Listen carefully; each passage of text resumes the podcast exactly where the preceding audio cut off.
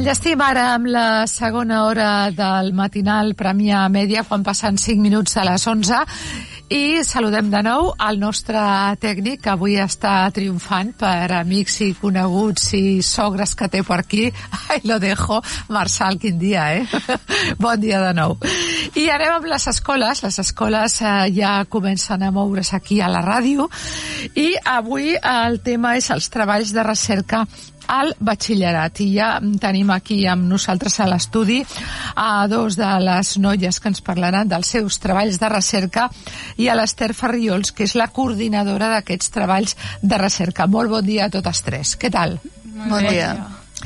Esther, eh, coordinar treballs de recerca no és gens fàcil, no? No requereix, eh, no sé, molta entrega, molta voluntat, i com ho han fet d'una banda tenim a l'Arien eh, Rodríguez, que només maco Arien. Moltes gràcies. D'on ve aquest nom? Aquest nom és, és d'un llibre que es diu Silmarillion, que és de Tolkien, Ah, carai. perquè el meu pare és molt fan. Caram, caram. I et va posar Arien. Sí. Que a més, suposo que no hi ha moltes, no? No, no crec. Una o dos, potser. Filles de friquis amb tot el carinyo, no? No, sí, no, no, i orgullosa, eh? I tant que sí, és un nom preciós. I tenim a la Jana de la Penya. Hola, Jana, què Hola, tal? molt Que bé. també tens un nom que m'encanta, tant en la versió catalana com en la castellana, eh? Jo vaig, sí que vaig conèixer una Jana, però Jana és, és molt maco, també. Um, la- L'Arien, el seu treball de recerca es titula el, el vocabulario de los shooters, Sí, efectivament. déu nhi ara ens explicaràs després de tot plegat, i el de la Jana a Educació a l'antiga Grècia que també déu nhi eh? Uh, com es planteja ser coordinadora i, i quina és la tasca d'una coordinadora, en aquest cas, Esther, de treballs de recerca? Quina, quina és la teva tasca? A veure, nosaltres, clar, som un institut amb molts alumnes. Sí. Llavors, eh, la coordinació dels treballs de recerca normalment es porta des de batxillerat, des de la coordinació de batxillerat.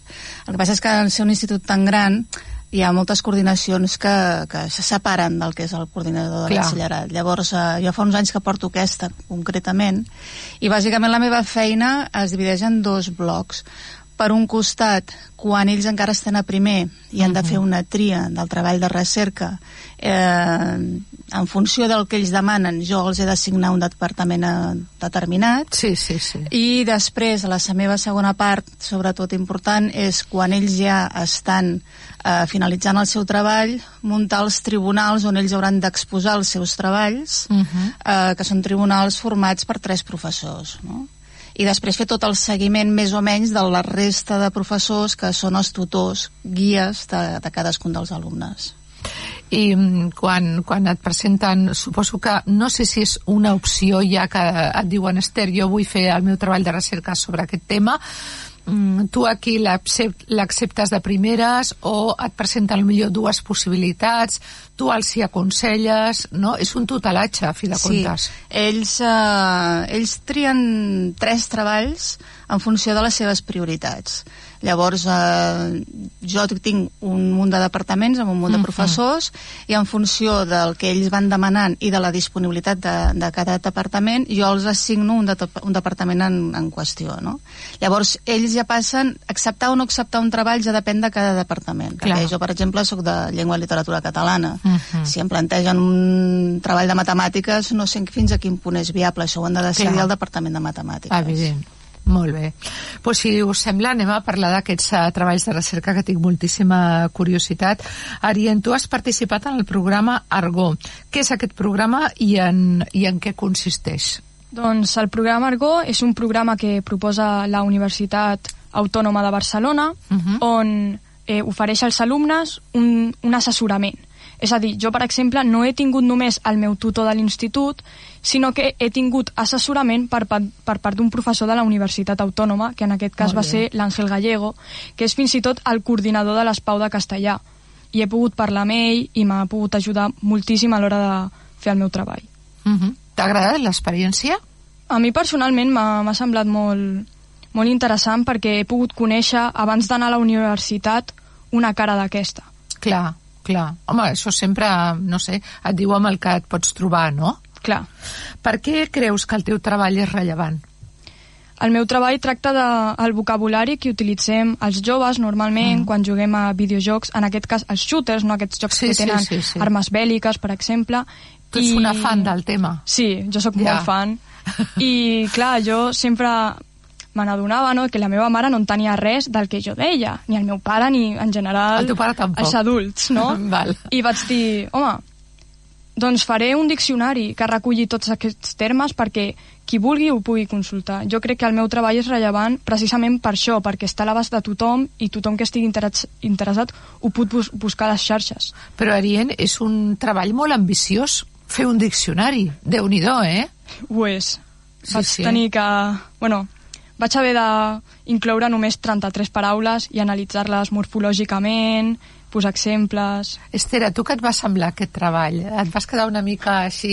Jo aquest no l'he llegit perquè, clar, són... Pensa que tenim 99 treballs, és impossible ja. que me'ls pugui llegir tots, no? Però sé pels companys que, que sí que hi eren, doncs que era un treball molt interessant i estava I molt tant. bé. Sí, sí. I tant. De totes les entrades del diccionari, quina és la teva, la teva preferida? Doncs, bueno, com ja he dit anteriorment, hi ha 33 entrades, Clar. Però personalment la meva preferida és una paraula que és motxa. Motxa? Motxa. Què vol dir això? Aquesta paraula... És una motxa? No, sí, no, és una paraula... És la meva preferida precisament perquè em fa gràcia. No, no, a mi I també. Motxa. motxa és una paraula que... Jo sé el que vol dir motxo, el motxo, Clar, no? Sí. Passar el motxo, però Vas, motxa no. Vaig tenir problemes en l'etimologia, precisament per això. Motxa és eh, una paraula que té dos significats i el primer és eh, donar un tret al cap i l'altre és que te'l donin a tu. És a dir, Mare si meva, dius... Fa gràcia la paraula, però clar, ara ja no tant, eh? M'han pagat una motxa, és una que motxa. te'n fot un tret Escolta, i, i, i qui s'inventa aquestes paraules? O, o algun dia un les deixa anar i diu, ai, doncs pues mira, fa gràcia, queda bé, ens la quedem. És, Va així? És, és una bona pregunta, perquè vaig investigar i la majoria provenen de l'anglès, però aquesta, que ja. és motxa, prové d'una paraula en desús de Llatinoamèrica que vol dir cap. Ostres, la motxa, sí, sí, sí, la motxa, clar, clar, clar, clar. Però qui utilitza això i qui ho va popularitzar mm. als videojocs entre els joves? Algú va dir, mira, le pega un tiro en la motxa i es va quedar amb motxa. Probablement. Aquesta és la més eh, curiosa que més gràcia et fa. La més rara, a part d'aquesta, eh, que ja també és rara, una paraula, no sé, mm, entre rara, divertida, a part de motxa, segur que n'hi ha més, eh? Uah, mm, és, és difícil perquè hi ha moltes i també tinc expressions, locucions. Crec que és CT. CT, què és un CT? CT, CT és un lloc del mapa, que és on, sí, és on apareix l'equip contrari. I es tracta com si fos un nom propi, com si fos Barcelona. Ja. Estic a CT. Estoy en CT. ¿Y dónde está CT? ¿Por dónde queda CT? Clar, a més, a més es mou aquest joc, perquè, Ostres. clar, és l'equip contrari. Sempre sí, canvia. Sí, sí. sí, que CT està en tot, a tot arreu sí. i en lloc. CT. Clarament. M'hauré de mirar aquest diccionari, eh? de veritat. Això és, és que, Esther, eh, hem d'estar al dia. Això és una altra generació. Absolutament, no? Consideres que l'existència de diccionaris electrònics de diversos temes com el teu són necessaris? Jo ara ja penso que sí, eh? perquè si no ja no estàs en el món. Sí, Però, no. Sí, no? Definitivament crec que Clar. és necessari Clar. perquè la llengua oral canvia constantment sí, eh? i hem d'estar actualitzats però amb la de paraules que no, la, això l'Ester ens ho diria per la seva especialització, la seva especialitat, eh, ens, ens ho diria que, que, que bueno, ja hi ha prou paraules en el món per definir cadascuna de les situacions, però mm, inventar-se, escriure un diccionari de 33 paraules per jugadors, per shooters, déu nhi eh? En fi. Coneixes algun altre diccionari que sigui... Bueno, quan et vas sentint... Faré un diccionari. Vas estar mirant algun altre diccionari així que fos poc convencional? Sí, sí, de fet, eh, és una part també del meu treball, no? Per què el meu treball es diferencia d'altres? Clar, clar, que és perquè, especial. Clar, vaig trobar diccionaris com d'una pàgina web que es diu Vandal i un, o una altra que es diu Gigno, sí. però eren diccionaris molt, com bueno, podríem dir, de, de company, no? d'amic amic. No estaven ah. explicats com si fos una RAE ja. o un diccionari Eren per col·legues, català. Clar, era per col·legues. Estava explicat tot molt, molt bàsic era tot molt bàsic. I escolta, com que les paraules són vives i els shooters continueu allà fent feina i tot això, Eh, jo t'anava a preguntar si creus que podries incloure més paraules al teu diccionari electrònic en un futur, però que sí, suposo que la resposta sí. Sí, sí, i tant, Sí. i tant, i les Ja. que m'he deixat. Això t'anava a dir, des de que l'has acabat, eh, segur que tens unes quantes en la rereguàrdia que dius, ui, aquestes les, les havia de, de, de posar també, segur. Sí, no, sí, i potser més de 20, eh? O sigui, Carai. hi ha, hi ha un munt, hi ha un munt Carai. de paraules. Bueno, pues escolta, moltes felicitats. Vocabulari dels shooters, que tinguis eh, molta sort. Jo crec que la tindràs perquè, no sé, pinta molt bé, és molt xulo. I ara anem a, a un canvi radical perquè la Jana de la Penya Bon dia de nou, Jana, Bon dia. que estaves molt, molt... Sou amigues vosaltres, a part de, de, de, de companyes? Sou amigues o companyes de Bueno, classe? jo crec que més aviat Sí, companyes. són me, més aviat companyes. Val, val. Bueno, d'aquí pot sorgir de la ràdio una, una amistat, no? Perquè estava com molt còmplice escoltant aquest eh, eh, diccionari de shooters, no? A tot fa gràcia, Jana, això. Sí, sí, perquè jo no, en plan, no estic gaire... Ficada amb aquest Exactament, i el, vaig veure la seva presentació i em va semblar superinteressant perquè Que bé. jo crec que no coneixia ninguna de les paraules No, segur. que, Jo, que jo, sí, sí, sí. No, no, estaríem igual. Aquí, eh, educació a l'antiga grega no té res a veure amb el que ha fet això. Aquesta és la gràcia, no?, que aquí la vas poder orientar més, eh, Esther, o com, com No, li va portar la, la nostra companya de, de clàssiques, la Margalida Capellà, no? Home, luxe, eh? La Margalida la, la coneixem molt i tenim molt de carinyo en aquest programa, en aquesta emissora, i és una crac, o sigui que has tingut una tutora fantàstica, sí, la no? Uh, per què vas triar aquest, uh, aquest tema? T'agraden les, les clàssiques? Segueixes el fil de les clàssiques, no? Sí, bueno, bàsicament, eh, a mi estic molt interessada en, en l'ensenyament i en un futur m'agradaria ser professora Que bé. i el tema aquest de saber d'on ve Sí. l'educació, de conèixer els seus, els seus inicis, qui estudiava, qui ensenyava, les matèries que feien, doncs em va semblar molt interessant i vaig voler indagar. I quins objectius et vas plantejar a l'hora de fer aquest treball? Perquè, clar, eh, l'educació a l'antiga Grècia és com molt ampli, no? És, és una cosa mm, enorme. Llavors, quin va ser aquest objectiu? Què és el que volies aconseguir? Doncs, a veure, jo volia mm, investigar aquests inicis, si hi ha hagut realment una evolució de l'educació respecte a l'antiguitat, Mhm. què, què és el que m'ha aprofitat i què no, i si és així, doncs, què podríem haver agafat dels, dels grecs. I quina va ser la teva hipòtesi? I si la vas poder afirmar? Sí, la meva hipòtesi va ser si els grecs parlaven millor que nosaltres Mhm. i sí, al final del treball la vaig poder confirmar, ja que parlaven millor perquè apreni- aprenien l'art de la paraula, que és l'oratòria, Sí. cosa que actualment en la majoria d'escoles públiques doncs, no s'ensenya, però sí que és veritat que en algunes escoles privades ensenyen a parlar bé. Sí, sobretot aquest tema de l'oratòria i concursos d'oratòria al, al, a l'estranger, en molts països, sobretot als Estats Units, hem vist aquests eh, eh, fan, fan debats, fan... És un tema molt interessant i és una llàstima que no es faci a la, a la pública, Sí, per cert, no? No sé si aquí tindria alguna a dir la- l'Ester, t'agradaria, no?, que se li donés una miqueta més de- d'importància a la paraula. Sí, sí. El problema que tenim a la pública i la majoria de les privades, a menys que no siguin privades molt Sí. especials, és que amb 35 alumnes paraules fa molt complicat Sí. eh, dedicar hores a l'oratòria i, molt- Clar. i a més a més tenim uns programes molt, sobretot a batxillerat mm, molt estrictes, molt, que ens estrenyen molt no? Mhm. i llavors es fa molt complicat però és una llàstima Pues sí, sí que ho és. Després del marc teòric sobre l'educació en l'antiga Grècia i la importància de l'oratòria, en què ha consistit la teva recerca en la part més pràctica, Jana? Doncs a la part pràctica el que va ser vaig fer un, un concurs d'oratòria amb Sí? els alumnes de segon d'ESO de l'institut. Fantàstic. i doncs vaig haver d'anar a la seva classe i vaig proposar una activitat que era gravar un vídeo sobre per què els avorria l'escola. Després aquest vídeo doncs, el vam visualitzar a l'aula i cada alumne amb una rúbrica que vaig dissenyar doncs havien d'avaluar-se ells mateixos, és a dir, autoavaluació, i una coavaluació també.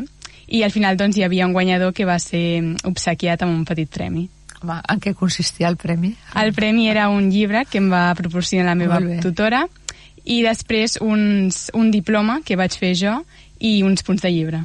Bueno, que bé, no? Sí. sí tot un èxit, no? Una Sí, sí. experiència per repetir, diria la veritat, jo. sí, em va agradar molt. Són coses molt maques, no? La paraula és tan important, no? El poder de la paraula. Aquest treball està relacionat d'alguna manera crec que sí, perquè has dit que vols ser professora amb, amb això, amb la professió que ara per ara, que ets molt joveneta eh, has decidit i, i em fa l'efecte que estàs ja molt orientada que t'agrada molt això de l'ensenyament, no? Sí, la veritat des de fa uns anys ja sé que vull estudiar educació infantil i primària i pre precisament amb aquest treball doncs, he tingut eh, la primera experiència, diguéssim, uh -huh. dins d'aquesta visió del professorat. Que bé. Quines conclusions extreus uh, finalment d'aquest uh, treball de, de recerca? Doncs bé, he pogut veure tota l'evolució de l'educació que hi ha hagut. Uh -huh. hem, hem evolucionat, òbviament, però hi han coses com, per exemple, l'oratòria, que s'hauria de doncs, estudiar sí. i que, bàsicament, nosaltres, com he dit abans, sabem com va començar, però no sabem com serà l'educació en un futur. El Clar. que sí que sabem és que no, naixem, no naixem ensenyats, per tant la, la tasca educativa doncs, seguirà vigent d'una manera o altra vosaltres parleu molt bé, ja, no sé, jo ja crec que ja signaria tothom perquè els joves eh, parlessin com s'expressen elles, diuen el que volen dir i ho diuen molt bé, i això és perquè són noies molt llegides i parlen i, i, i, i fan eh, aquests treballs tan, tan interessants. Així que moltíssimes felicitats, de debò. Com va ser l'experiència de, de, de presentar-lo bé, no? Et, sí. va, et va omplir. I les famílies, què, què us han dit dels diferents uh, treballs? Uh, tu, uh, Arien. Doncs la meva mare eh, es va sentir una mica ofesa, no? Per... Què dius, Perquè, ara? clar, com dius que jo no t'entenc quan parlo? Home, és veritat. Clar, i no passa res. Que potser no, ara no. m'està escoltant i Bueno. Bronca a casa, eh? No, Però... com es diu la teva mare? Jimena. Jimena, quin nom és maco també, jolins, quins noms teniu. Uh, Jimena, no, no, no, no, no et sentis malament perquè a mi em passaria el mateix, si també sóc mare, eh? Vull dir que, escolta, arribem fins on arribem.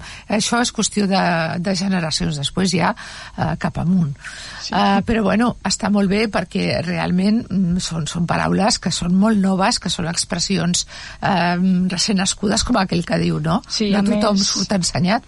Clar, la, la seva curiositat a mi m'ha motivat Clar, encara a més. afegir més paraules i a Veus? treballar molt més el meu diccionari. I, i a casa, Jana, que, que et van dir quan vas eh, dir pues, faré el meu treball de recerca sobre aquest tema, no? Eh, com es parlava a l'oratori a l'antiga Grècia, que et van dir. Sí, no, em van recolzar, que el recolzar molt. A més, la meva mare també està en el món de l'ensenyament i doncs És creu professora que... també? Sí. Molt bé. Creu que, que s'hauria de fomentar l'oratòria Clar que sí, clar que sí. en, en les escoles. Com es diu la teva mare? Sònia. Sònia, doncs Sònia, mm, felicitats perquè ja tens aquí una successora de, de luxe. Que bé, no? pues, eh, nosaltres fem una petitíssima pausa perquè surtin l'Arien i la Jana i entraran els dos eh, companys eh, següents a presentar el seu treball de recerca.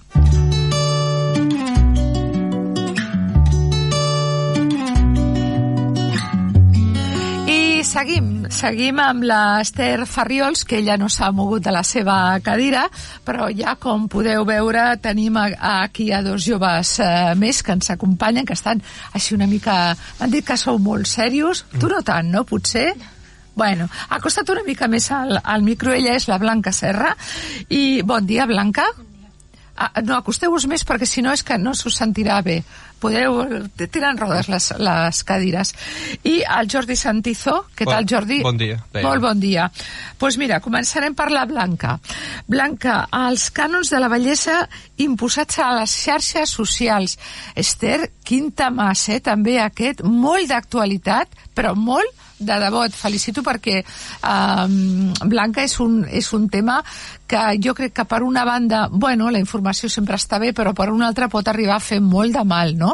Per què vas triar aquest treball de, de recerca? Bé, eh, el treball de recerca en concret es concentrava en els trastorns de conducta alimentària Sí, i després els canons de bellesa que es difonien a xarxes socials era Mm. com un subtema dels quals pues, jo em centrava més en els trastorns de conducta alimentària com l'anorèxia o la bulímia i com aquests eren afectats pues, per les imatges d'Instagram o els vídeos de TikTok. Uh -huh. Això eh, ho vas escollir, mm, vas tenir mm, tres opcions, em fa l'efecte, no? Sempre per escollir més o menys el treball de recerca. Sí, però va ser un tema propi i el vaig decidir fer jo. Perfecte, perfecte. Per alguna experiència personal propera, per, per un tema que, no sé, t'havia tocat de, de prop i, i volies aprofundir? Sí, un, una persona que m'estima molt doncs va patir un trastorn de conducta alimentària i va estar ingressat en un hospital psiquiàtric i llavors va derivar a una preocupació per aquests trastorns i em vaig voler proposar fer el tema sobre això. Esther, un, un gran tema, eh? Molt actual, malauradament, però un, un gran tema. Sí, sí, sí que ho és. Ells trien, el que us deia abans és que ells posen tres temes, Sí. o tres departaments, Sí. no? però a vegades eh, no s'assenyeixen als temes que nosaltres proposem, sinó que en, en proposen de propis. Llavors, si ens sembla Clar. que poden ser temes interessants, els donem el vistiplau, com és el No, seu. no, um, estan, bueno, en general tots molt ben triats, mm. no? però aquest és malauradament de, de molta actualitat. Vas eh, tenir dificultats en trobar les imatges del, del TDR, del treball de, de recerca? Malauradament no, i m'hauria agradat que sí, perquè vaig trobar imatges molt fortes de talls...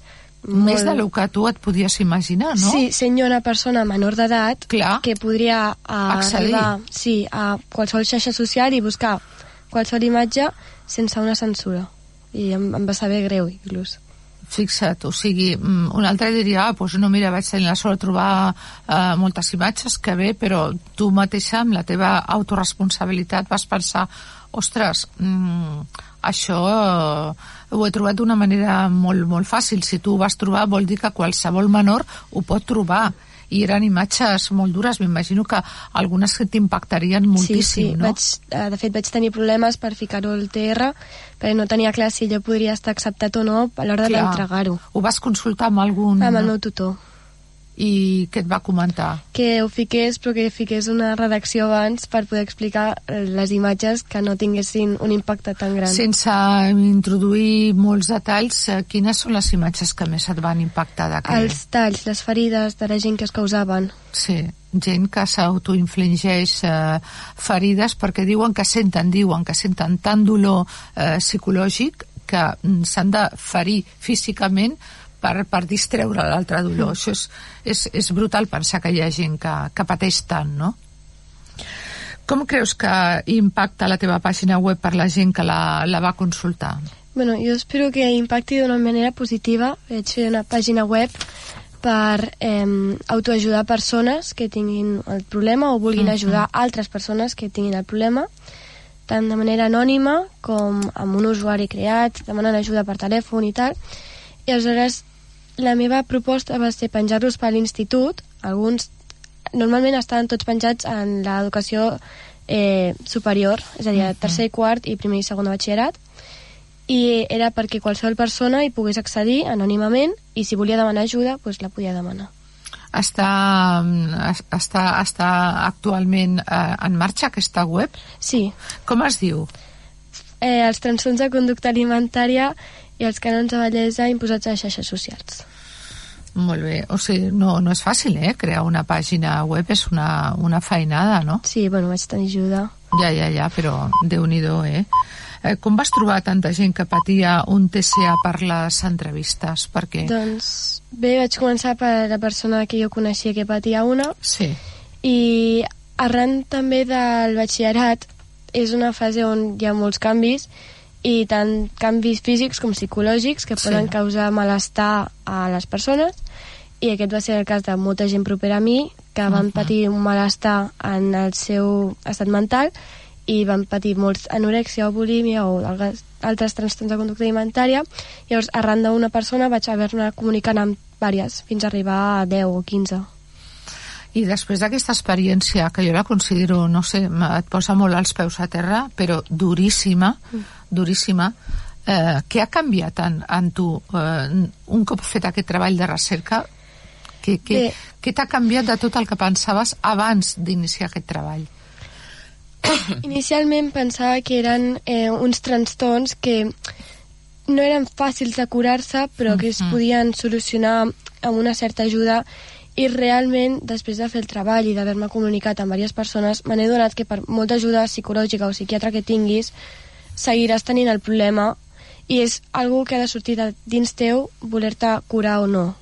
Que si no vols tu mateix estar bé, no seràs una persona sana. No per tanta ajuda psicològica o psiquiàtrica que tinguis, no estaràs sa. És, eh, és, mm, sí, realment eh, he sentit parlar d'aquesta qüestió moltes vegades aquí en, en el programa i mm, de vegades, eh, no sé, eh, són comparats com, com en altres addiccions, no? Són persones que de vegades han de tocar fons per, per poder començar a sortir-se, per molta ajuda que tinguin, per molts metges, per molts especialistes, han de voler eh, sortir. Sempre t'has entrevistat amb persones joves o t'has trobat amb persones de, de totes les edats? En el cas del treball de recerca vaig fer totes de la mateixa edat, que eren uh -huh. de 15 fins a 18, Mare meva. però vaig trobar gent de 40 i més anys.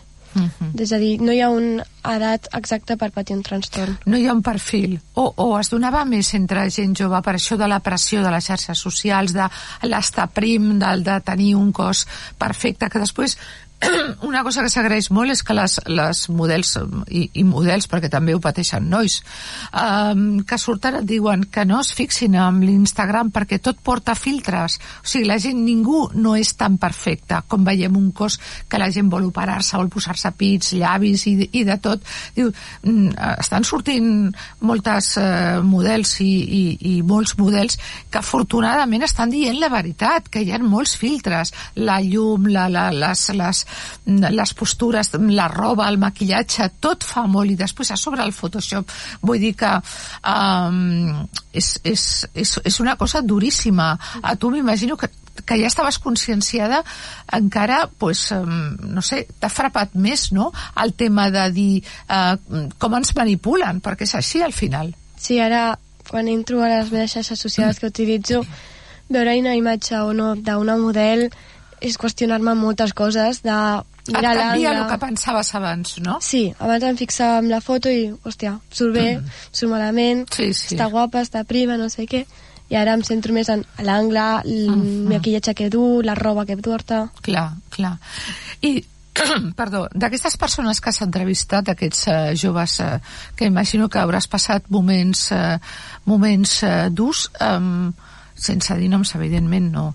Però amb quina història et quedes? Hi ha alguna que t'hagi tocat molt especialment, que hagis dit, ostres, Sí, quin en, tràngol.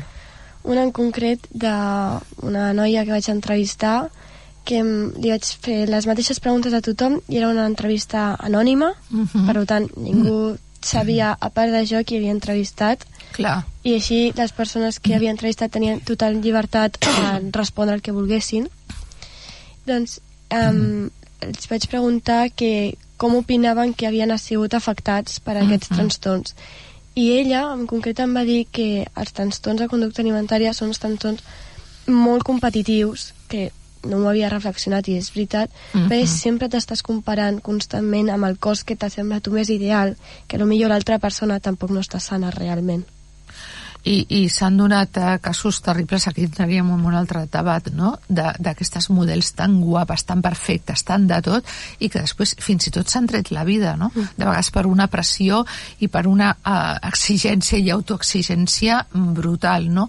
Tot ve de les comparacions, no? Clar, tu pots estar molt satisfet, però t'estan mostrant una sèrie d'imatges i al final dius, ostres, jo voldria ser com aquesta i tenir el nas que té aquest i els pits que té aquesta i... no? Bueno, doncs moltes felicitats perquè, déu nhi un grandíssim treball. Eh, què t'han dit després de la- de l'exposició i, i, i de tot? Quines, quins han estat els inputs? que està molt bé, i cosa que m'alegro molt. Sí. I bé, que això, que està, està un treball de temps. Eh, què t'agradaria, a què t'agradaria dedicar-te? Perquè abans eh, doncs ja ens han parlat una mica els companys que han entrat anteriorment a eh, què es volien dedicar. Eh, tu ho tens clar o...? A mi m'agradaria ser infermera. Molt bé.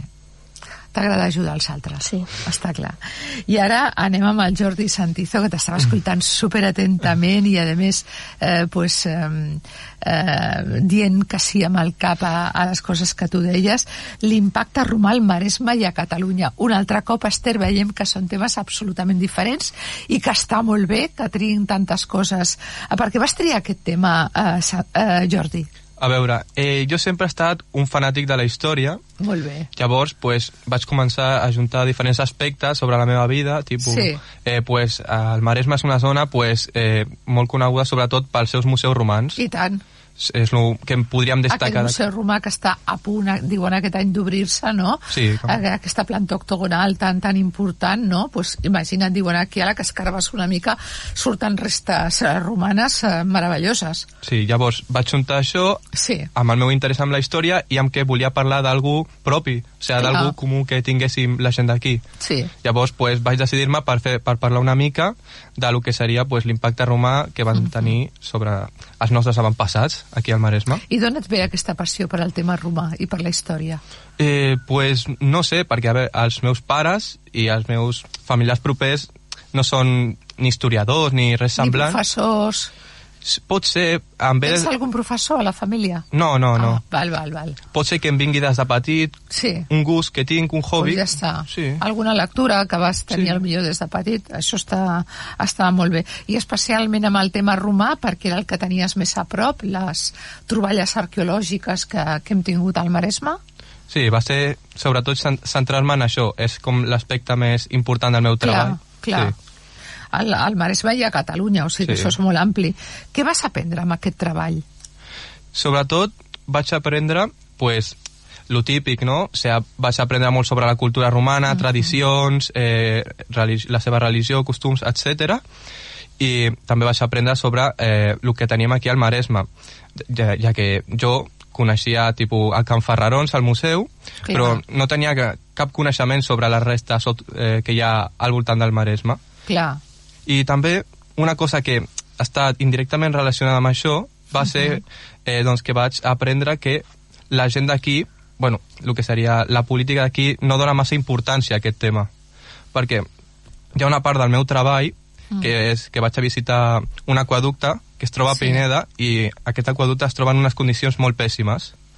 De que... i et va semblar fatal que Sí. no estigués eh, Sí. tractat com es Sí. mereixia. Clar, estava apartat del poble, mal senyalitzat, i a sobre es trobava dins d'una zona de casa. O sigui, ja. em vaig O sigui, arribar a trobar un no- tret, o sigui, Sí, sí. una caixa del tret a, al terra. Mm -hmm. I això pues, no em sembla bé, ja que Clar. considero que hem de donar importància al nostre passat. I tant que sí, i aquestes coses s'han de conservar i conservar-les bé, no? Mm. Uh, quines costums romanes mantenim els marsmencs avui en dia, si és que mantenim alguna, no? Perquè han passat uh, uh, tants anys, tants segles, que Sí. no sé si alguna encara... És evi- eh, o sigui, ha divergit tot això, ha anat evolucionant també per la barreja d'altres cultures que han estat aquí. Sobretot el més destacable és l'idioma, sens dubte, de que som parlants d'una llengua romànica que prové Clar. directament del llatí. Clar. També els romans es van encarregar d'imposar el cristianisme a aquesta zona, Uh -huh. el qual ha, ha ajudat molt a la nostra cultura passada i ha influenciat molt a l'actual. També altres aspectes més petits sobre... Eh, també es van encarregar de fundar algunes ciutats, com la de Mataró, l'antiga Baetulo, Exacte. i també pues, van aportar molts coneixements, ja que era la civilització més avançada de l'època. Uh -huh. Sí, és, Molt bé. Per què creus que avui en dia se li dona tan poca importància a la cultura romana a les escoles? Eh, jo crec perquè ha quedat com molt endarrerit, tipus, ara es parla molt, sobretot de les, a, le- a les classes d'història es parla molt sobre el que seria el segle XIX, segle XX, XVIII, Mm. però això del romans, edat mitjana, tot queda molt, a, molt enrere i no se li dona importància, no es considera com algo necessari, algo eh, rele rellevant. Sí. És principalment això, o sigui, I està clar que t'agradaria que tingués més importància, no? Traslladar aquesta passió que tu sents per al tema a, a, a tothom. clar, els romans eh, Clar. van estar aquí pues, sis segles o més o menys, o sigui, Ens han deixat un, Sí, sí. un bagatge importantíssim. no van estar dos Quatre dies. dies. No, no, no, no, no. Eh, som el resultat de, de la seva estada, no? com sí. d'altres, però, però... I què, eh, què et van dir quan vas eh, fer l'exposició del teu treball de, de recerca? Quins inputs et van arribar? Eh, a, igual que a, a la Blanca, em van dir que ho havia fet molt bé i sobretot em van parlar que els havia agradat molt com havia exposat el tema i que els havia aconseguit com eh, transportar a, el meu interès cap a ells, saps? Això, això és fantàstic. Vol dir que d'alguna manera vas encomanar aquesta Sí. passió, no? Aquest entusiasme. Sí, vaig, eh, sobretot em, em vaig centrar en parlar sobre aquests problemes que t'he comentat anteriorment i ells eh, van estar molt d'acord amb el que jo parlava. Molt bé. És com que els hi va, van entendre de lo que parlava i ho van eh, compartir amb mi.